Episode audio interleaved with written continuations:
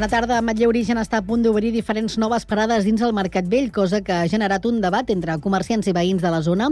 Consultats per Cugat Mèdia, la sensació general respecte al pla de dinamització d'aquest espai del centre de la ciutat és optimisme, però també hi ha algun recer en relació amb la gestió que se n'ha fet per part de la concessionària Gourmet Sant Cugat. Poden escoltar totes les veus d'aquesta problemàtica a www.cugat.cat. Antònia Font torna a Sant Cugat i ho farà el 26 de gener al Teatre Auditori. Les entrades per aquest concert es posen a la venda demà dimarts a les 11 del matí. L'actuació serà la primera de la seva nova gira que portarà el grup mallorquí durant el 2024 per teatres i auditoris en un format més íntim. Torna a la festa del cinema i el Sant Cugat s'ha adherit un any més a aquesta iniciativa que permet comprar entrades de cinema per 3 euros i mig. Enguany no és necessari acreditar-se abans, simplement comprar les entrades per alguna sessió fins al 5 d'octubre. La iniciativa es desenvolupa de manera simultània a més de 300 cinemes de tot l'estat espanyol. Vox Sant Cugat fa responsable de la situació financera de l'Ajuntament al govern anterior. Per això demanarà la compareixença al ple de l'exalcaldessa Mireia Ingla perquè doni explicacions dels 25 milions d'euros de dèficit del consistori.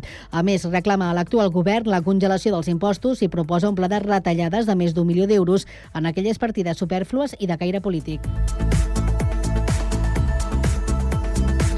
El primer equip femení de la UESC de tenis taula ha empatat a 3 a la pista del Jaén a la jornada inaugural de la Superdivisió, màxima categoria estatal. Les sancoatenques han fet un partit molt regular i s'han avançat amb un 0 a 2 i podien haver guanyat el maig. Una ràpida reacció local ha evitat que el primer triomf fos que per a les vermell i negres. Les sancoatenques rebran aquest divendres la visita del Museu de l'Almendra, equip que ha guanyat contundentment 4-0 davant l'Irun. I el primer equip masculí de l'handbol Sant Cugat ha derrotat 24 a 25 l'handbol Sant Quirze i se suma el primer triomf després de tres jornades al grup D de Primera Nacional. Els Sant Cugatencs han anat a remolc durant tot el partit, però en el tram final han estat més efectius en atac i sobretot amb intensitat defensiva. Miquel Rubinyó, amb nou dianes, va ser el jugador decisiu del maig per als vermell i negres. Els de Dani Ariño rebran la propera jornada la visita del Sant Esteves Rovires.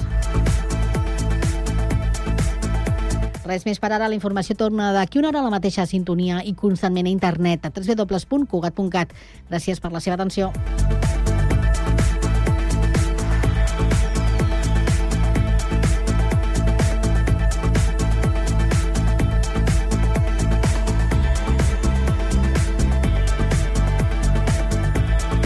Cugat Mèdia, la informació de referència a Sant Cugat.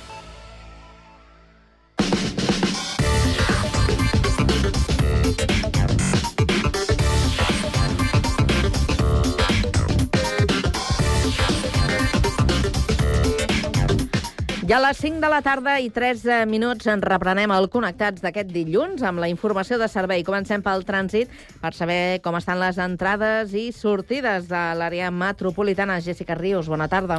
Bona tarda. Doncs ara mateix ens trobem amb la circulació amb retencions a la C58 en el tram de Montcada i Reixac cap al Nus de la Trinitat i també hi ha retencions a la B30 a Barberà del Vallès cap a Tarragona. Això és tot segons informa el Servei Català de Trànsit.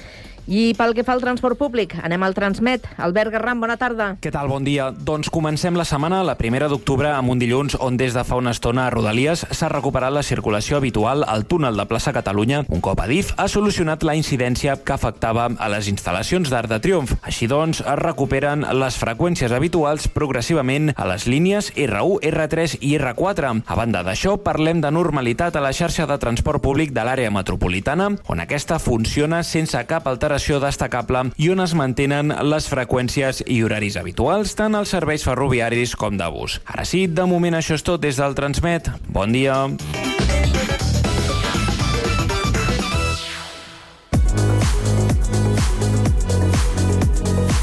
Cada tarda, de 4 a 6, Connectats. Una experiència radiofònica a Sabadell, Terrassa, Sant Cugat, Castellà, El Prat i Badalona.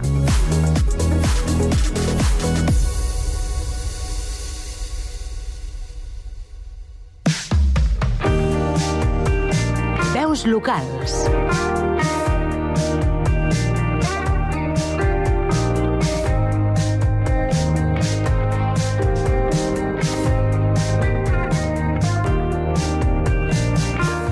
El periodisme local és imprescindible no només per conèixer què passa a les nostres ciutats, ho és perquè és el més proper a la ciutadania i el que pot parlar millor de tot allò que ens afecta i ens preocupa.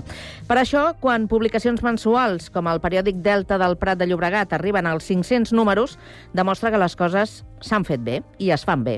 Avui, precisament, volem parlar-ne i ho fem amb el seu cap de redacció, el Javi Martínez. Bona tarda, Javi. Què tal? Bona tarda. I felicitats per la part que et toca. Gràcies. Eh, Moltes gràcies. També saludem al nostre company Víctor Asensio, que t'acompanya als estudis del Prat a Ràdio Víctor. Bona tarda. Bona tarda. Una, una feina complicada, això d'arribar a tantes publicacions eh, en el món del periodisme local. Això és una feinada que ara intentarem que ens expliqui el nostre convidat d'avui. Com us deia, eh, enhorabona per arribar a aquests eh, 500 números. Estem parlant de 45 anys del periòdic Delta, relatant i retratant el que passa al Prat, molt abans, de fet, que hi haguessin mitjans públics a, a la ciutat. Però, mm, Javi, explica'ns quin és el secret, quina ha estat la clau de l'èxit per arribar fins a dia d'avui amb aquest bon estat de salut. Doncs, a veure, no sé si parlar d'èxit, però com a mínim és parlar de supervivència i constància, Mhm. perquè és un mitjà que es nodreix bàsicament de, de col·laboradors, no és una estructura professionalitzada, és a dir, no és una empresa de comunicació, eh, el periòdic Delta és el principal producte de l'Associació Cultural Delta del Llobregat, i que des del 1977, en concret des del desembre del 77, eh, publica mensualment un, uh, un periòdic amb vocació de donar informació independent de la, de, del que passa al Prat, una informació local. Llavors aquí hi ha hagut una redacció que ha anat eh, fluctuant una mica com el riu Llobregat, eh, canviant amunt i avall, amb, amb els seus desviaments, amb, el, amb les seves, amb els seus intríngulis, i, i, a, i al cap i a la fi ha mantingut aquesta, aquesta línia independent, sempre s'ha manifestat com una, com una publicació que es basa en la fidelitat dels seus subscriptors, dels seus lectors i del, del suport inqüestionable del comerç local del Prat de Llobregat, que ha permès que eh, més rere més eh, l'anem eh, imprimint i puguem fer arribar aquest número, de vegades amb menys, de vegades amb més pàgines, això ja són, són qüestions que la dificultat de la premsa tots, uh, tots la Sí. coneixem per, per, uh, per sobreviure en aquests dies. Mm -hmm. Doncs és, és que m'ho poses més bé encara, perquè més mèrit té aquesta feina que, que feu, no? Des de... El, podríem dir que el, que el voluntariat, perquè és gent que mm, s'entrega a, la, a la causa no? d'informar sobre, sobre la seva ciutat, amb les dificultats que comporta precisament no ser un, no, no ser un mitjà, eh, diríem, professional, no? Encara, encara més mèrit, crec que, que li hem de reconèixer. Per cert, heu fet un especial de 500 números per compartir l'evolució del periòdic i, i també de la ciutat al llarg d'aquests anys. Eh, Explica'ns com ha estat aquesta feina de documentació. Doncs a, a aquesta feina de documentació l'havíem plantejat perquè, clar, al llarg de la nostra història sempre doncs, ens havíem trobat amb el típic, el número 100, 200, 250, aquest, aquestes efemèrides, que jo, si et confesso, no sóc un gran fan de les efemèrides. Per mi, mm. uh, un número és, el, és igual al número anterior uh, sumant més 1. És a dir, jo sóc molt fulla d'Excel, en aquest sentit. Ja, ja, ja. No, tinc, no, no, no, no crec gaire en el simbolisme d'aquests números, però, però sí que és cert que quan eh, vam eh, plantejar fer, eh, fer aquest treball, vam dir, ostres, què fem? Fem un recull de fotos històriques del Prat, vam mirar els arxius i vam dir, ostres, això ja ho hem fet, ja ho hem explicat. I llavors vam pensar, mira, és, el Delta és una publicació impresa, és a dir, la seva carta de presentació, quan tu la veus a la prestatgeria d'una llibreria o al, o al quiosc, és la seva portada. I vam dir, per què no agafem eh, sis o set temes, línies argumentals de coses que han passat a la ciutat i les reflectim a través de les seves de les portades que històricament han, han parlat d'aquells fets, d'aquelles línies mm. argumentals. I saps que el Prat doncs és una ciutat que ha estat molt marcada per la, pel territori i per les seves eh, per les, les tires i arronses territorials uh -huh. de les grans infraestructures. Aeroport, el port, el desviament del riu, les connexions per carretera, les transformacions eh, urbanístiques, el creixement al nord i al sud de la ciutat, eh, aquesta confrontació entre si ha de ser més preservar els espais naturals i agrícoles o deixar pas a les infraestructures. Tot això ha marcat la, la història del Prat Prat, i vam veure que a través de les portades del Delta aquesta realitat s'havia anat dibuixant molt bé eh, any rere any durant, durant 500 números.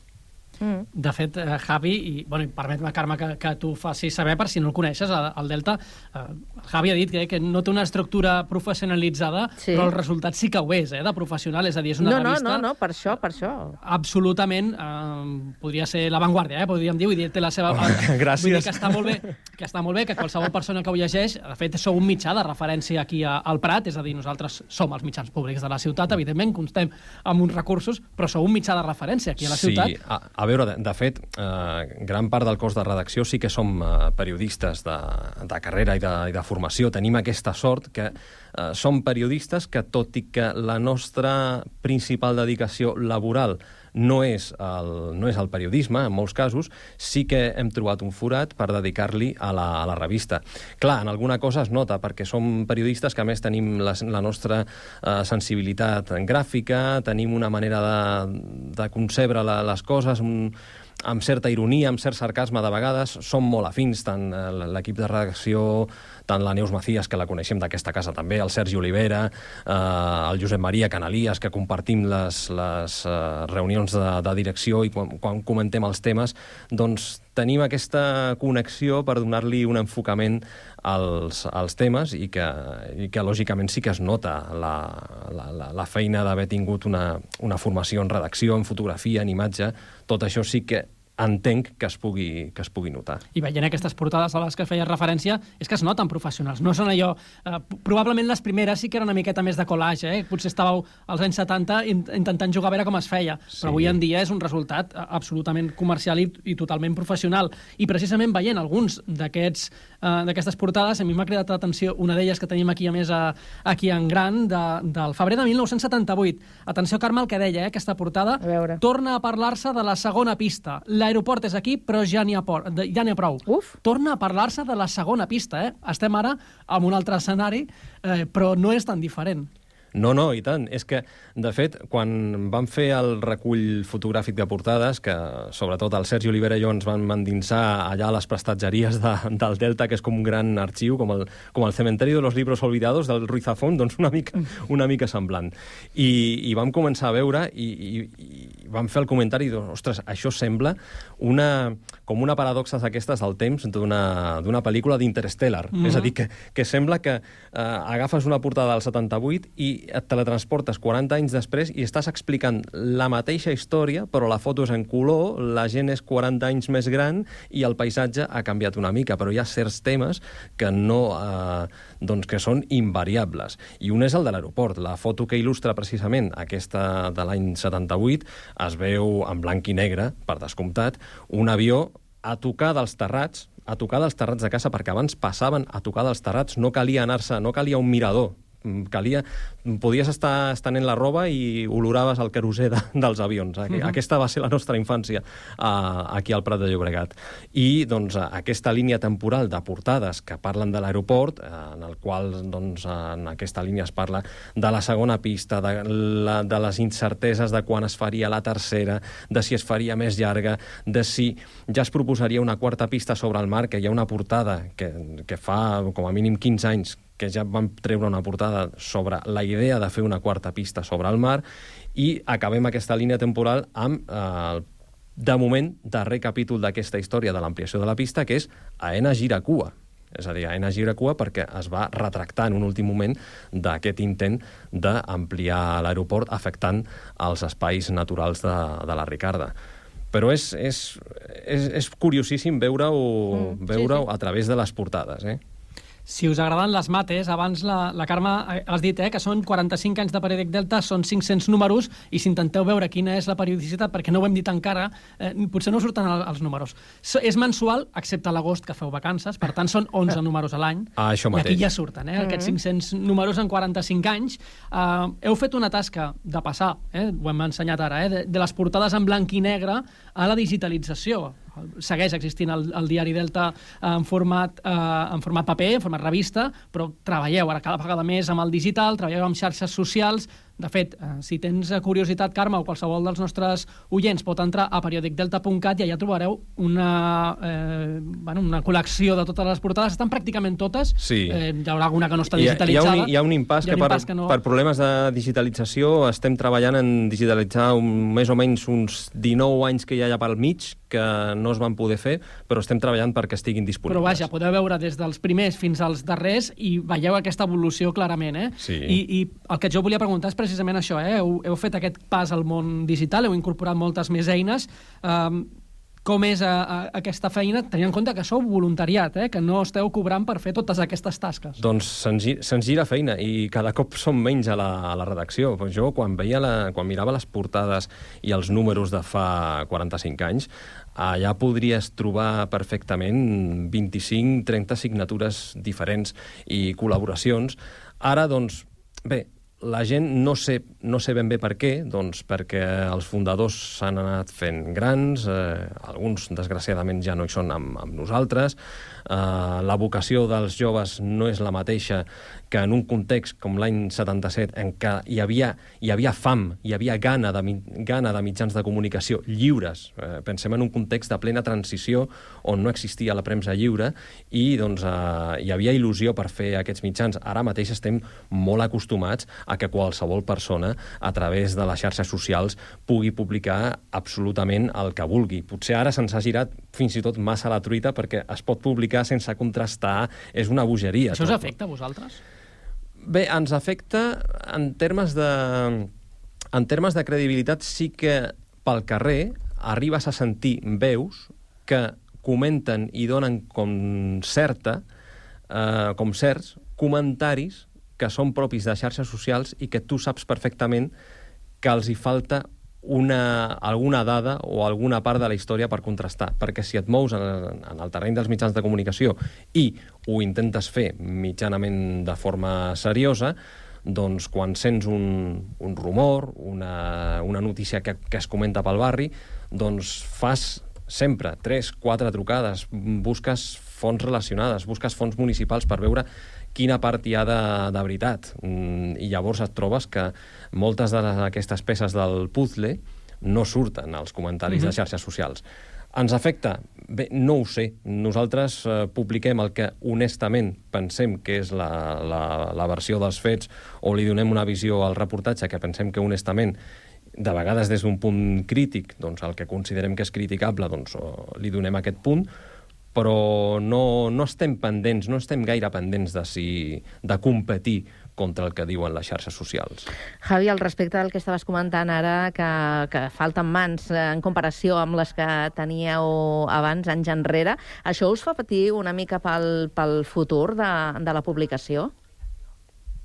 La veritat, no t'ho sé dir, perquè ara, diguem-ne, hem eh, trobat un temps en què la, la redacció, tot i que siguem pocs, està en un moment que està Estable. més o menys eh, estabilitzada. Uh -huh.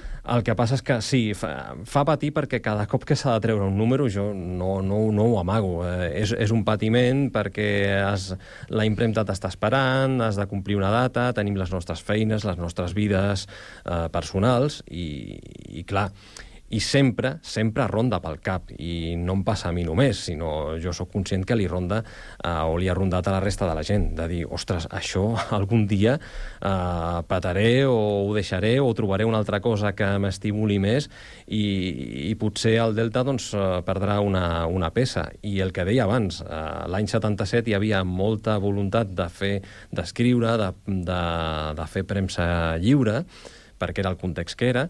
Ara no trobem tant aquesta, aquesta vocació. De vegades hem, hem tingut col·laboradors més recents, Però què passa? Lògicament, una persona que està estudiant periodisme i que té 19, 20, fins a 22 anys, eh, tan aviat com troba una feina estable i que ve condicionada per uns horaris, eh, lògicament, la prioritat és aquella feina i si t'ha de dir adeu, doncs t'ho diu mm. i tu ho has de comprendre. Sí, sí. Aquest compromís és difícil de, de mantenir. Sí. Jo volia preguntar per la tasca com a cap de redacció. Eh, com ho feu? Com ho compagineu? I teniu uns horaris, teniu una forma de treballar. Ara imagino que cada vegada és més fàcil també fer-ho doncs, a través de um, trucades uh, de, de Skype, eh? no ho sé. Sí, ho fem molt, treballem molt en, molt en xarxa. Jo, de fet, eh, sí que recordo que del, del meu pas pel diari, i de, pel periòdic i de l'evolució, una de les coses que, que sí que vaig intentar sempre estar al darrere és de no dependre d'un espai físic. O sigui, una mica la, el que és la filosofia avui del teletreball... Tot i que el teniu.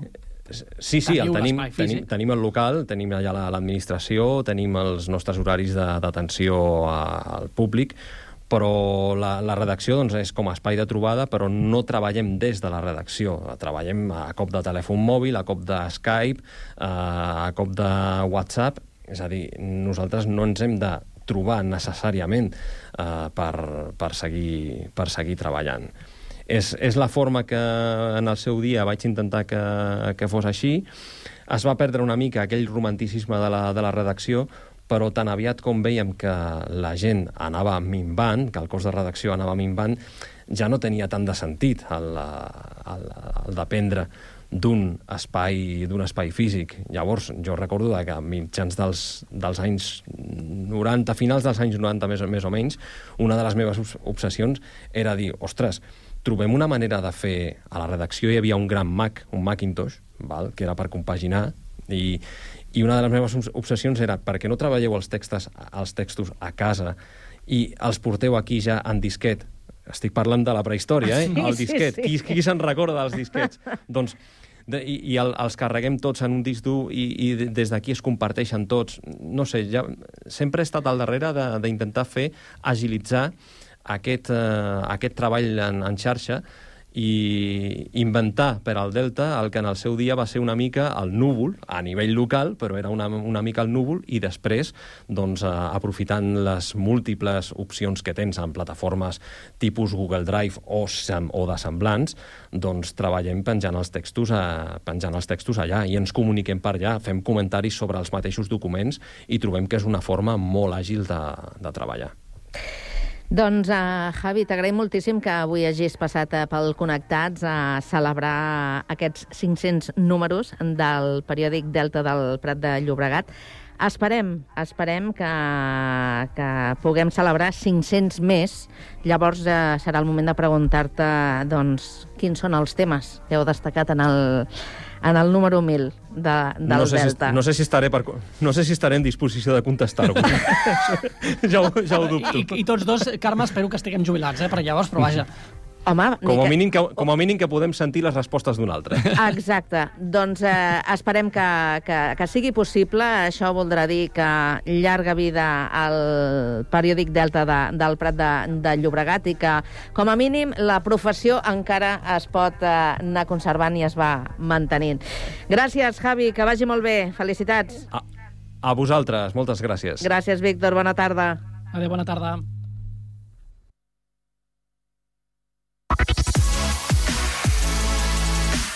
Connectats, una experiència radiofònica a Sabadell, Terrassa, Sant Cugat, El Prat, Castellà i Badalona.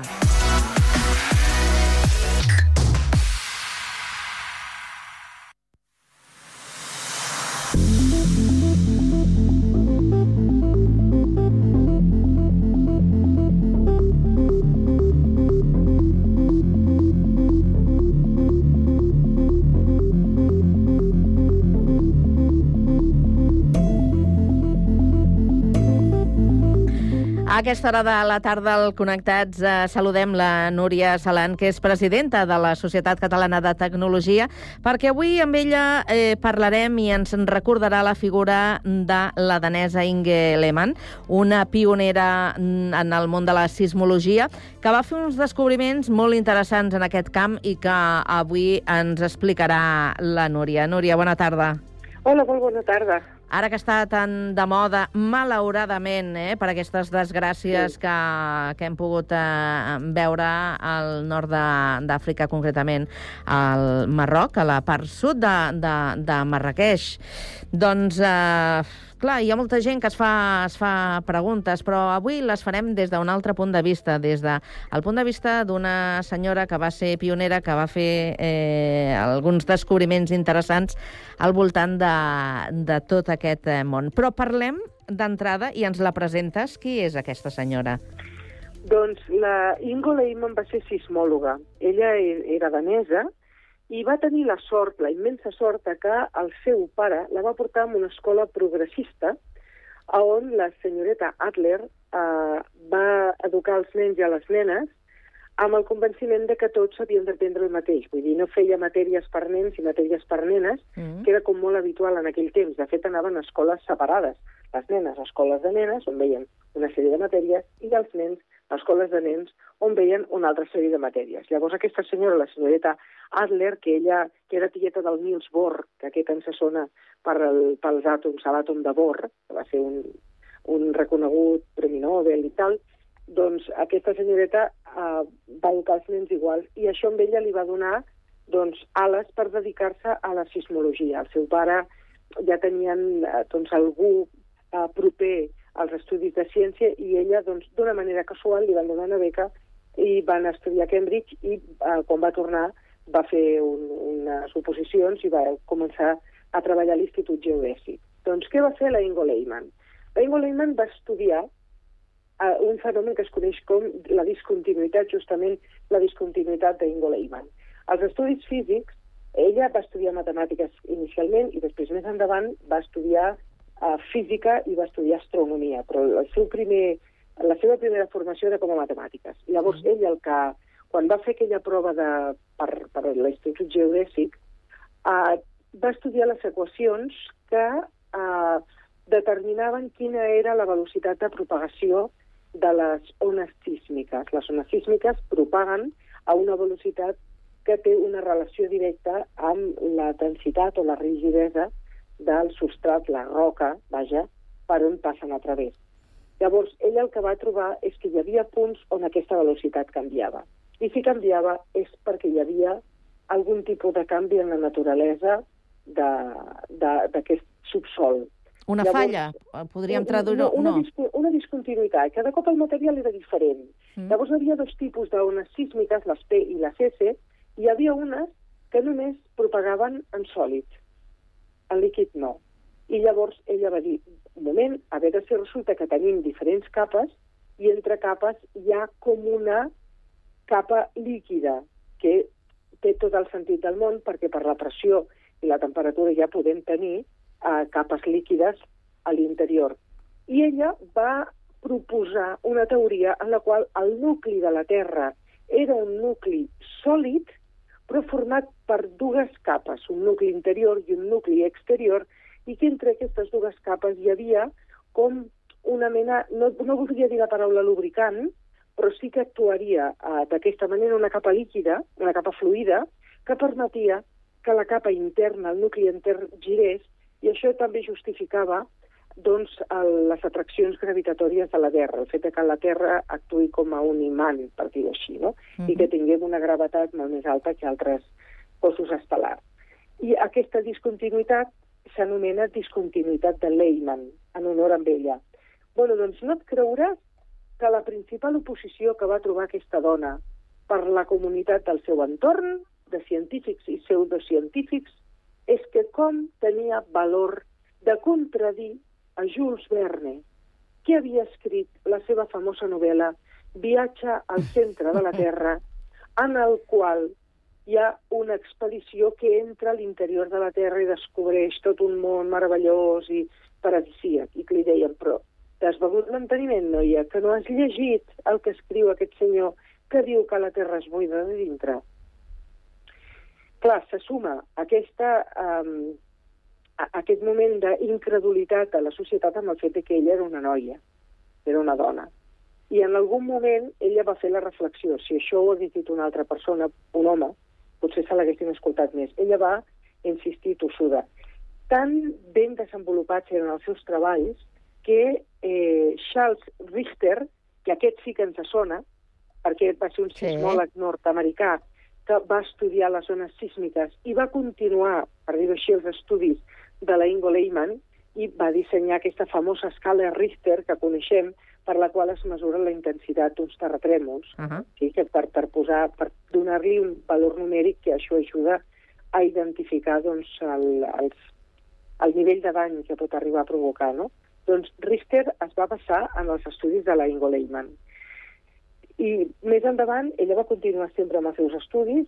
Tot el que va estudiar va ser la, fer relacions entre la velocitat de propagació de les ones sísmiques. Per tant, molt dels, molts dels avenços que tenim ara en predicció i estudis eh, preventius de probabilitat de que es produeixi una falla sísmica en un determinat moment s'han basat en estudis que es van fer a partir dels estudis de la, Engel, de la Ingo Lehmann. Llavors li devem molt, li devem molt. Sí? Només que Richter és com el sismòleg conegut, no? i ella no. Va ser a partir d'aquest eh, reconeixement eh, que, que comentaves que, que s'ho va- s'ho van anar replantejant o encara va durar aquesta incredulitat per part de, de, dels professionals de, del sector? Home, va trigar uns anys, perquè pensem que ella es va jubilar el 1953 i uh, Richter va, ser les, va fer la seva proposta d'escala sismològica al, al 79. Per tant, quan ella es va jubilar, uh, encara hi havia una certa incredulitat, tot i que ella ho havia demostrat. És a partir dels estudis de Richter que ningú ha posat mai més en tela de judici. Sí, la- l'escala és relativament moderna, eh? L'escala, Sí. ja dic, és del 79 és relativament moderna, però i aquest senyor ja la va fer, era de l'any eh, 900, vull dir que un senyor que va continuar els estudis d'ella des de que, pràcticament des de que ella es va jubilar, o, o prop de que ella es va jubilar. Però li va costar molt, va haver de barallar-se molt, eh? Va haver de barallar I segurament mm, es va topar amb gent que no se la va creure mai. Però, Com bueno, sempre. Això ja, Mhm. eh, sí, això ja. I el cas és que ella després va trobar una altra discontinuïtat que eh, està molt més a prop de, de nosaltres. Vull dir, jo no sóc experta en el tema, jo m'he documentat, li vaig dedicar en el seu moment un programa de l'enginy invisible quan feia aquells programes de FibraCat TV, perquè el personatge em va semblar interessantíssim i la injustícia de que el seu nom no sortís en lloc. No? Llavors tenim diferents eh, discontinuïtats. Aquestes discontinuïtats sísmiques són, com et deia, zones en les que es produeixen canvis en la velocitat de propagació de les ondes sísmiques i en tenim vàries. Hi ha una que està com molt propera a nosaltres i aquesta eh, és la que separa, per, per dir així, la capa com més externa de l'escorça terrestre de la capa que estaria com just per sota dels volcans, no? I aquesta també es diu discontinuïtat de Lehmann i era com la més recent. Aquesta la va descobrir cap als anys 40 i pico. I Però- però... després hi ha d'altres. Hi ha d'altres a nivell a més profunditats, però la més, uh, la més salvatge, i dic salvatge perquè ella va fer una previsió d'una discontinuïtat que no va poder comprovar mai, perquè aquella discontinuïtat està si- situada a 5.000 quilòmetres des del nivell del mar cap a dintre. Això, Ja. Dic que, mal, malgrat aquestes reticències, eh, evidentment, eh, com que eh, el que va descobrir doncs, era tan sumament important, eh, el reconeixement tard o d'hora eh, arriba i aquesta senyora està reconeguda amb premis i honors. Sí, sí, sí, sí. La van acabar reconeixent, no va quedar més remei, clar que sí. La van acabar reconeixent i, de fet, el seu nom està escrit amb, les, uh, amb els estudis de física i de, de sismologia, per dir-ho així, com un nom, i el nom de la discontinuïtat de Lehmann uh, es manté i es mantindrà amb el seu nom, tant la discontinuïtat de l'interior de la Terra com la discontinuïtat que tenim aquí com més propera a nosaltres. Però el que no m'havien dit mai és que Lehmann era Ingo Lehmann. Això no ho van dir mai. De. Richter sí que em van dir sempre que era el senyor Richter. I jo sabia que es deia Charles Richter. Però d'ella no em van dir que es deia Ingo Lehmann. Eh, tu diràs, ai, és de la Núria Queixança. Però bueno, no, no, i la, la van acabar reconeguent. De tota manera, va estar lluny d'un Nobel, eh? Va estar lluny d'un Nobel que també és eh, una reivindicació que faig sempre. Vull dir, que, que, quan li ha costat a l'acadèmia proposar dones pels Premis Nobel, perquè digue'm, si tu, digue'm tu si els seus estudis no eren estudis brillants com per haver estat mereixedora d'un Premi Nobel, però bueno, no la van considerar mai. Doncs no van considerar mai, doncs què li farem? No? Doncs Mm. farem? Ja està. Doncs avui sí, l'hem reconegut nosaltres aquí I en tant. aquest espai que dediquem a, al món de la ciència i, com sempre, amb la contribució i la col·laboració de la Núria Salant, la presidenta de la Societat Catalana de Tecnologia, qui agraïm moltíssim que hagi estat una vegada més al Connectats. Núria, fin, fins a la propera. Que vagi Gràcies molt bé. a vosaltres. Adéu.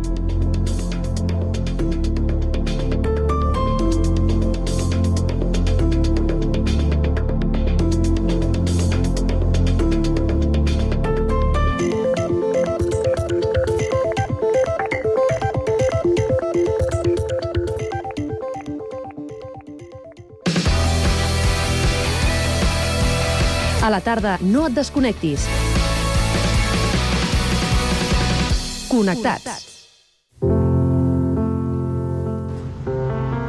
Hola, bona tarda. El meu nom és Jaume i m'agradaria escoltar la cançó d'Olivia Rodrigo, la nova, que no sé com es diu, però és que tinc la meva filla que està com boja amb, amb aquesta cantant i, i dedicar-la a l'Angie amb molt de carinyo i, i també a la Lídia. Vinga, un petó, gràcies. People you pretend to care about just what you wanted.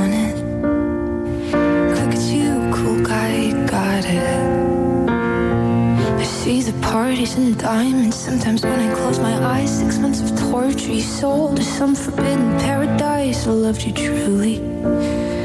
You gotta laugh at the stupidity. Cause I've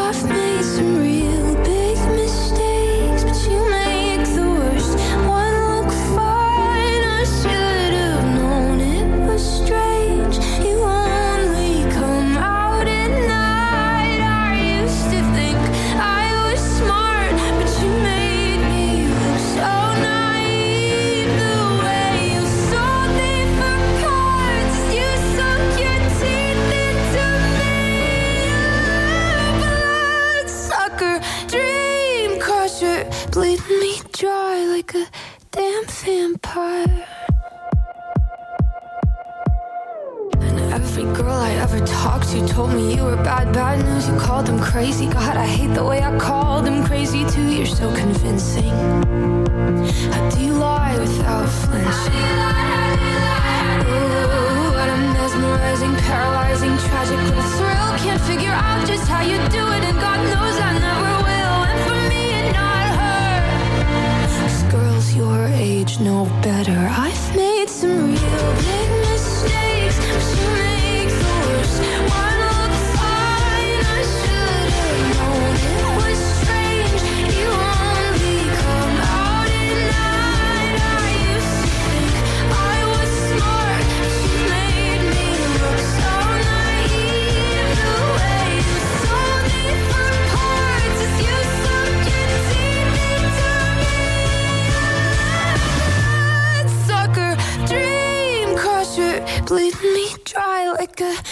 damn vampire.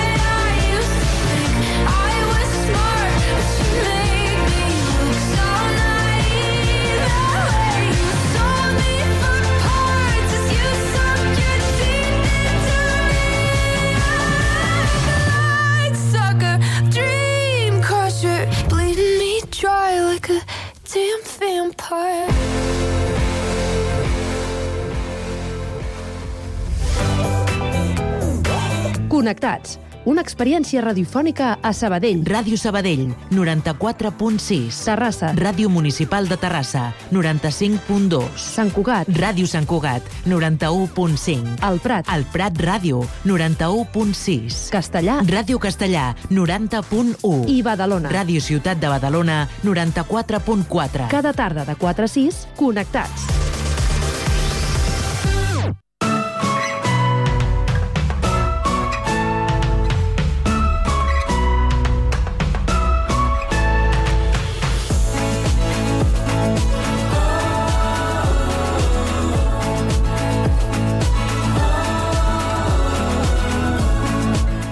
Nascuda a Sabadell, però amb un fort arrelament a Castellà del Vallès i el cor a Nova York. Avui passa pel Connectats la periodista i cineasta ballesana Cèlia Novis, que estrenarà aquest divendres al Cinema Imperial de Sabadell el documental sobre la nacional Once Upon a Place.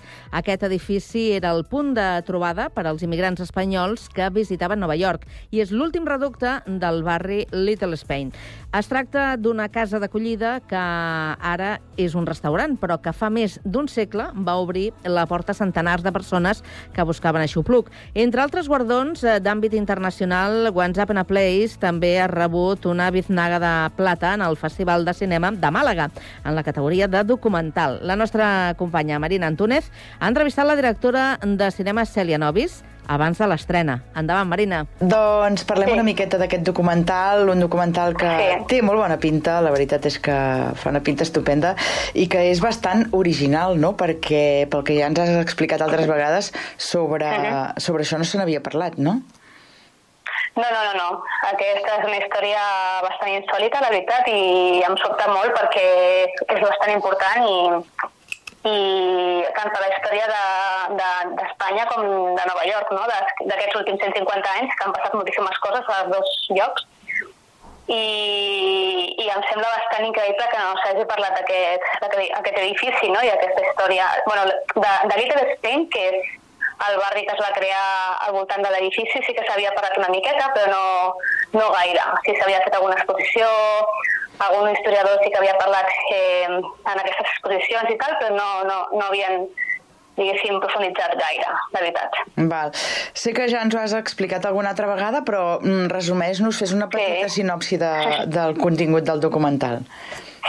Bueno, bàsicament és la història, els més de 150 anys d'història d'un edifici que està situat al carrer 14 de Manhattan, i, i que, bueno, que va ser molt, molt important, va ser com una ONG, eh, eh, una casa d'acollida de, dels immigrants que arribaven de, de diferents parts de l'estat espanyol eh, en aquests últims 150 anys, no? I arribaven, imagina't, no? Perquè ara sí que és veritat que viatgem d'una altra manera, eh, bueno, és diferent, no? La Nova York d'ara, amb, diguéssim, els llocs que, que sortim, les nostres ciutats d'ara també són diferents, però imagina't, no, fa 100 anys o així, com, com arribaven els, els immigrants allà, eh, a una ciutat que, no, que, que desconeixien, eh, on es parlava un idioma que no, que no coneixien, eh, era una ciutat molt, molt dura, eh, on feia molt de fred, i bueno, doncs era com el primer lloc on, on arribaven recomanats eh, per, per demanar ajuda, per demanar menjar, per demanar on podien quedar-se eh, a dormir, eh, on podien començar a treballar, preparar-se, diguéssim, o aconseguir els papers, o sigui, era com realment un, feia la, les, les, diguéssim, les, pues, les tasques per si viu d'una ONG, saps? Uh -huh. Llavors, eh, mm, això, bueno, ja fa 150 anys, o més de 150 anys, es va fundar el 1868, i, mm, i sí que és cert que, evidentment, en els moments més importants de, de la història d'Espanya, com, com per exemple la Guerra Civil, i això va ser encara molt més important. No? I a partir dels 40, 50, 60 va ser clau al carrer 14 de Manhattan i per això es va crear eh, al voltant seu, diguéssim, el, el barri conegut per, com a Little Spain, no? Uh -huh. eh, que va ser realment una... Bueno, que, que, era, que, que va ser una comunitat molt, molt, molt gran, diguéssim, d'espanyols a, a, a Nova York, no? Sí, perquè sí que és veritat que sempre coneixem pues això, no? Eh, pues Little Spain, ai, Little Italy, perdó, Little Italy, o que hi havia molts irlandesos, o sigui, coneixem la història de moltes comunitats mm, bueno, pues això, com els italians, els, els, irlandesos, eh, els, els, els jueus, bueno, totes, totes les comunitats que han format, diguéssim, Nova York, coneixem molt, no? però sí que és cert que no, no s'ha parlat gaire dels espanyols que van, que van viure allà, no? I, bueno, eh, després, doncs, això, va desaparèixer el barri, però és l'últim com l'últim testimoni viu de, del que va ser, no? I per això jo volia explicar també la història a través de, eh, de l'edifici, no? Perquè encara continua d'en peus allà i em venia molt bé explicar la història a través del seu punt de vista i per això explico eh, bueno, tot s'explica en primera persona, que és l'edifici que, que ho explica com si fos una dona, una, una àvia no? de 150 anys. Uh -huh. Em molt bé explicar la història així, perquè encara continua i ens va, ens va molt bé, no? per explicar doncs, no només la història d'Espanya, de, bueno, la història d'Espanya, a veure si m'entens, resumida, sí. d'aquests últims 150 anys, i, i el que ha estat també Nova York d'aquests últims 150 anys, que déu nhi també. Uh -huh. I Cèlia, si era poc coneguda la història de Little Spain, encara ho era menys la història de la Nacional, aquest edifici, un cop ja has pogut fer projeccions, un cop has rebut uh, uh, opinions de la crítica i del públic, uh, quina és la teva percepció? Uh, feia falta? Sí, la veritat és que ha estat eh, una sorpresa molt, molt grata. La veritat és que no m'esperava pas que, que, que tingués aquest, um, aquesta rebuda, no? Perquè em va costar moltíssim fer-la. Mm. Sí, vaig demanar ajudes eh, al seu moment i tal. Vaig començar el 2013 amb això, amb la documentació. I, que, evidentment, doncs, les primeres passes sempre és intentar doncs, aconseguir finançament per, per fer-la mínimament, eh, mínimament bé, i, i bueno, no, no li donava gaire importància, però un cop ja la vaig acabar amb molt de patiment i, i amb pocs recursos i tot això, sí que és cert que, que els festivals i la gent, sobretot, que, que és el que és important, bàsicament, l'audiència, l'ha rebut amb moltíssima, no sé, amb molt, amb molt interès i, i sí, sí, eh, m'han convidat a xerrades i...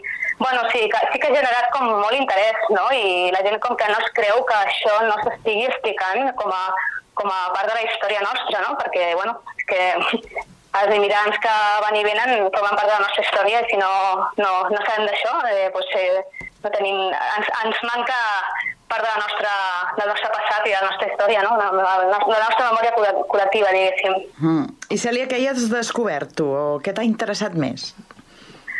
Ui, això és molt difícil de resumir. jo he descobert, eh, bueno, a veure, si, perquè, clar, tu, tu com la majoria sí. tampoc no en sabies gaire d'aquest edifici, no? O res? No, no, no, no. No sabia, o sigui, per mi va ser una troballa. O sigui, jo quan vaig veure aquella porta vermella que em, em va cridar tant l'atenció caminant per, per Manhattan, no? Eh, quan, quan vaig arribar, feia ni un mes que havia arribat a Nova York i me la vaig trobar ja com si...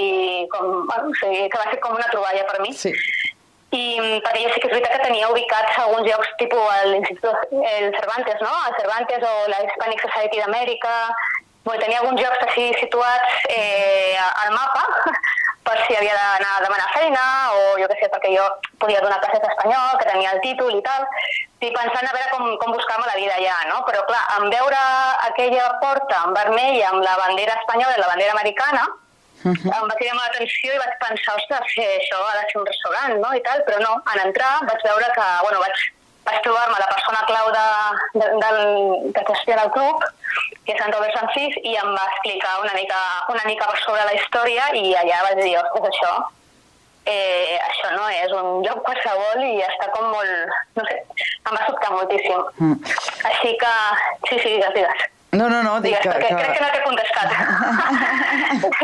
no, de tot crec el procés, clar, eh, m'explicaves doncs, que va ser clau, no?, de Sanchís a trobar-lo, sí. després bueno, la recerca, bàsicament... després filmar, sí. després, eh, bueno, rodar-la, la pospo, eh, sí, de tot plegat, tot, tot. què, què t'ha interessat més o, o en quin punt t'has quedat més impactada del, del que al finalment ha estat el teu documental? Bueno, jo és que al final eh, bueno, hi ha moltíssimes coses, afortunadament. Eh, les coses que haig d'agrair és que la gent m'ha obert les portes de casa seva amb, sempre amb una, amb una generositat increïble, la veritat. Eh, gent que estava desitjant parlar i que mai li havien preguntat. És una cosa increïble, que això és, o sigui, que són fills d'immigrants o, o nets d'immigrants estaven desitjant, no?, que, que algú es preguntés per com van a mirar els seus pares o, saps? I això és el que, diguéssim, la, la part més, més bonica de, diguéssim, d'aquest documental, eh, per mi, diguéssim, i després el que ha fet, o jo que sé, tantes coses, podria dir-te que, bueno, jo també he estat immigrant, no?, però mm, emigrar és, és, és un acte de valentia, vull dir, és, és, és molt dur i al final és, és, és igual, no?, de d'on vinguis i els anys que, que hagin passat, o sigui que emigris ara o, o, o, o fa 50 anys, sinó que hi ha moltes coses que es comparteixen, no? Que, bueno, deixem enrere coses que són molt importants per nosaltres, eh, sentiment de, desemparament, no? Vull dir que hi ha moltes coses que, que, que són les mateixes i que no tenim en compte.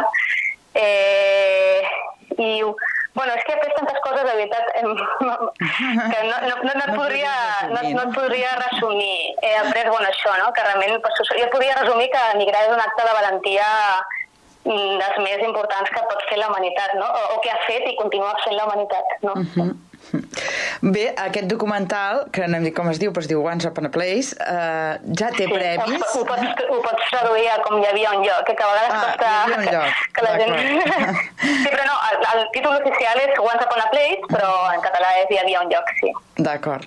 És el teu ja tercer documental, no?, que fas. Uh -huh. uh, sí. Un documental que ja té premis, però en vols més, Sí. no? En vols més. Home, Què cal, què cal fer? Què cal fer? Perquè ja et van donar la Vindaga de Plata, entre d'altres premis també. Uh, Sí. Potser la Vindaga seria com el, el més rellevant, no?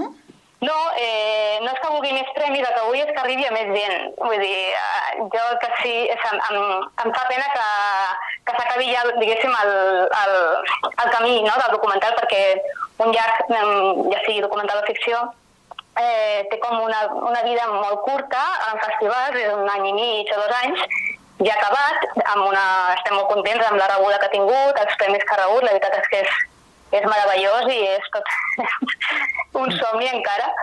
Eh, però el tema de presentar-ho a més premis i tot això és més que res perquè això allarga la vida, no? També això és una manera, una manera de, de, bueno, de que la gent, doncs, que encara continua arribant a més gent i si a més a més eh, al final doncs, eh, aconseguim alguna candidatura doncs encara serà més important, no? perquè bueno, sobretot diguéssim que l'objectiu final és que arribi a, a més gent, no? que, que més gent conegui aquesta història i es pugui, bueno, que es pugui emocionar, si és possible, amb, amb aquesta història. Sí. Els qui som de Castellà o que vivim a prop tindrem oportunitat de fer-ho perquè el 6 d'octubre la presentes a l'Imperial de Sabadell, no? Sí, el 6 d'octubre és una, diguéssim, com representació oficial i a partir del 7, de 7 al 12, eh, es podrà veure al Cinemes Imperial perquè bueno, he tingut la grandíssima sort que han confiat en mi i em fa moltíssima il·lusió, eh, la veritat, eh, estrenar-la comercialment allà, aquests cinemes que van ser tan importants per la meva infantesa I, i perquè jo vaig néixer allà i tota la meva família és allà i tal i la veritat és que em, em fa molt, molt feliç que, que, bueno, que poder-la estrenar comercialment a la meva ciutat, no? I, i bueno, això és també una condició sine qua non per, per poder-la presentar als premis com el Gaudí, els Goyes, perquè que això no vol dir que l'agafin, però sí que és cert que és la condició sine qua non per fer-la. O sigui que sí, que esteu més que convidats a veure-la, sisplau, i a comentar-la, i, i sí. I sí, ja sí. per anar acabant, um, tu creus que a dia d'avui es valoren més i per tant també s'hi confia més econòmicament en els documentals que fa uns anys o segueix sent molt dificultós aconseguir finançament per documentals? Això... eh, Jo crec que, que no ha gaire, sincerament, malauradament, perquè és un gènere que és molt lliure i és, és un gènere que a mi em sembla molt, molt interessant per, per, bueno, per arriscar, per, eh, per explicar històries de, de manera híbrida, per exemple, perquè a vegades la ficció, tot i que a mi m'encanta la ficció i, i estic pendent de fer-ne també, estic de, els meus, mm, diguéssim, projectes propers són de ficció, però sí que és cert que... Bueno, jo també, en els meus, perdona, eh, que faig un, un, un incís. Sí, sí, sí. En els meus documentals eh, també he, he fet híbrids, no? Mai han estat documentals clàssics de talking, com els típics talking heads, sinó que són híbrids eh, barrejant, diguéssim, ficció i, i documental. Però, bueno, que, que sí que és cert que, mm, que es tracta aquest gènere com si fos el germà petit, el germà... el petit feo, no? diguéssim, de, de la, de, de, del cinema i no, jo no estic, no estic d'acord, la veritat que no estic d'acord perquè és un gènere bastant, bueno, eh, bastant creatiu i, i bueno, sí que és cert que no es té tant en compte com, com, com la ficció, sí que és cert, sí, sí, sí. En tot cas, se'n eh? projecten més? En tot cas, se'n projecten més? Bueno, eh, no t'ho sabria dir, eh? Jo sí que és cert que porto molts anys veient documentals i això, i més o menys, no és que hagi vist una, una diferència brutal entre quan vaig començar jo fa 15 anys, posa-li, o més de 15 anys, eh, amb el món de, de documental, no veig cap, o sigui, un, com una, un interès brutal. Sí que és veritat que, per, per exemple, pot haver un documental concret que sigui que, que un any ho peti per, per, per parlar de manera així com Sí, sí, sí, actual. més planera, saps? Vull dir, un, sí que pot ser com, bueno, doncs un documental que un any sigui la, que, com, com la bomba, doncs sembla que tothom el va veure i tal, i llavors sembla que sí que aquell any es parla més de documentals o que sigui, però però és com una cosa puntual, crec. Sí, sí, sí. Per exemple, l'any passat la, la Isabel Cuixet va fer el sostre groc i sí que és cert que per ser ella, que, eh, bueno, poso aquest exemple eh, últimament perquè com és, un, és, és bastant eh, actual, doncs ajuda no, a entendre-ho, però com és la Isabel Cuixet i com bueno, és un documental sobre un tema tan actual també i tal, doncs sí que es va parlar moltíssim i la gent el va veure, el van a veure al cinema i tal, i és com que sembla que gràcies a això hi hagi un boom, no? I, o que els documentals es respectin més, però no, és perquè és la Isabel Cuixet i perquè és un tema concret, saps què vull dir-te? És com una cosa puntual. És l'excepció, al final. Sí, sí, sí, perquè va de la mà de la persona que hi ha darrere, si és més coneguda o no, si és un tema molt actual o no. Llavors, eh, jo crec que més en, en això, sincerament. Va. Però bueno, Del 7 al 12 als cinemes imperials, Once Open a Place, un documental que sens dubte valdrà molt la pena i del que se sentirà parlar, més que del de la Isabel Cuixet. ui, ui, ui, ui. jo, si, és igual o un 50% eh, eh, del, del, del que es va parlar de la Isabel Cuixet, jo ja estic ben... igual no, ja et dic, eh? Amb la meitat ja tinc, ja tinc prou. Uh, molt bé, Cèlia. Doncs Gràcies. molta sort en aquest projecte i en els que vindran, que ja estan aquí coent-se. Perfecte, Marina, moltes gràcies, Vale. eh? De res, a tu, una abraçada forta. una abraçada. Vinga.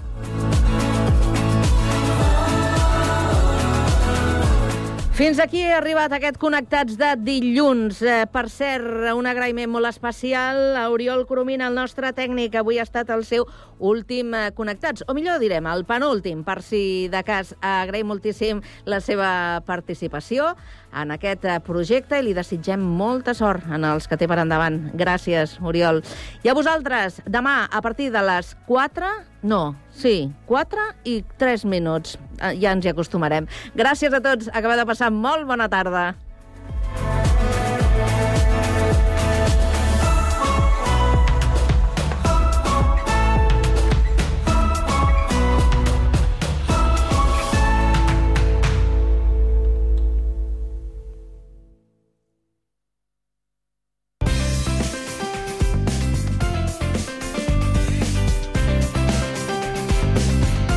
Ràdio Sant Cugat, 91.5 FM.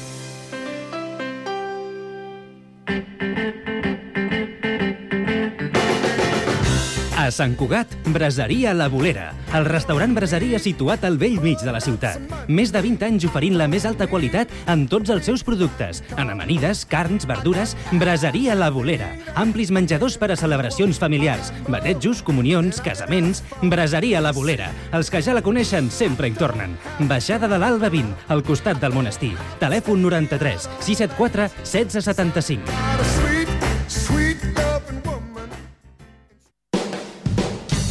El sabor autèntic i natural, amb garantia d'origen, el trobaràs a Carnisseria Sagarra. Des de 1960 treballem per portar els millors productes a la teva taula. Carns i aus de primera qualitat amb totes les garanties sanitàries. Carnisseria Sagarra. Qualitat, servei i professionalitat en carns, plats preparats i amb tots els nostres productes. Som al carrer Francesc Moragas 13 i en Davallada 22 de Sant Cugat del Vallès. Ara també pots fer la teva compra online a www.cesagarra.com.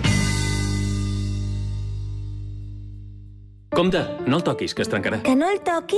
És un piano, és per tocar. T'imagines si a Mozart li haguessin dit Amadeus, no el toquis, que es trencarà. ens hauríem perdut moltes coses, no? Per què en comptes de pensar en tot el dolent que podria passar si fas alguna cosa, no penses en totes les coses bones que podrien passar? Assegurances Catalana Occident, perquè la confiança et fa la vida millor. Grup Catalana Occident. La banda sonora de la teva vida.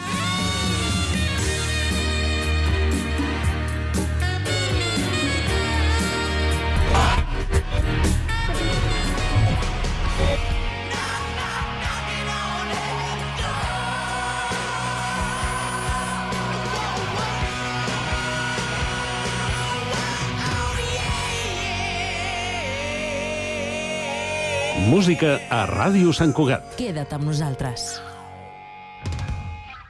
Hem sortit al carrer per preguntar als nostres escoltants què els hi semblava la llanterna màgica i això és el que ens han dit. Pues la cosa es así. Verá. Es impresionante. Me encanta, me encanta. Mola. Me gusta cómo suena. ¡Qué bonito! Si us agrada el cine i les bandes sonores, vosaltres també podeu formar part dels escoltants de la llanterna màgica. Tots els dijous, a les 10 del vespre, la llanterna màgica a Ràdio Sant Cugat. Ràdio Sant Cugat. Cugat Mèdia. www.cugat.cat Ràdio Sant Cugat.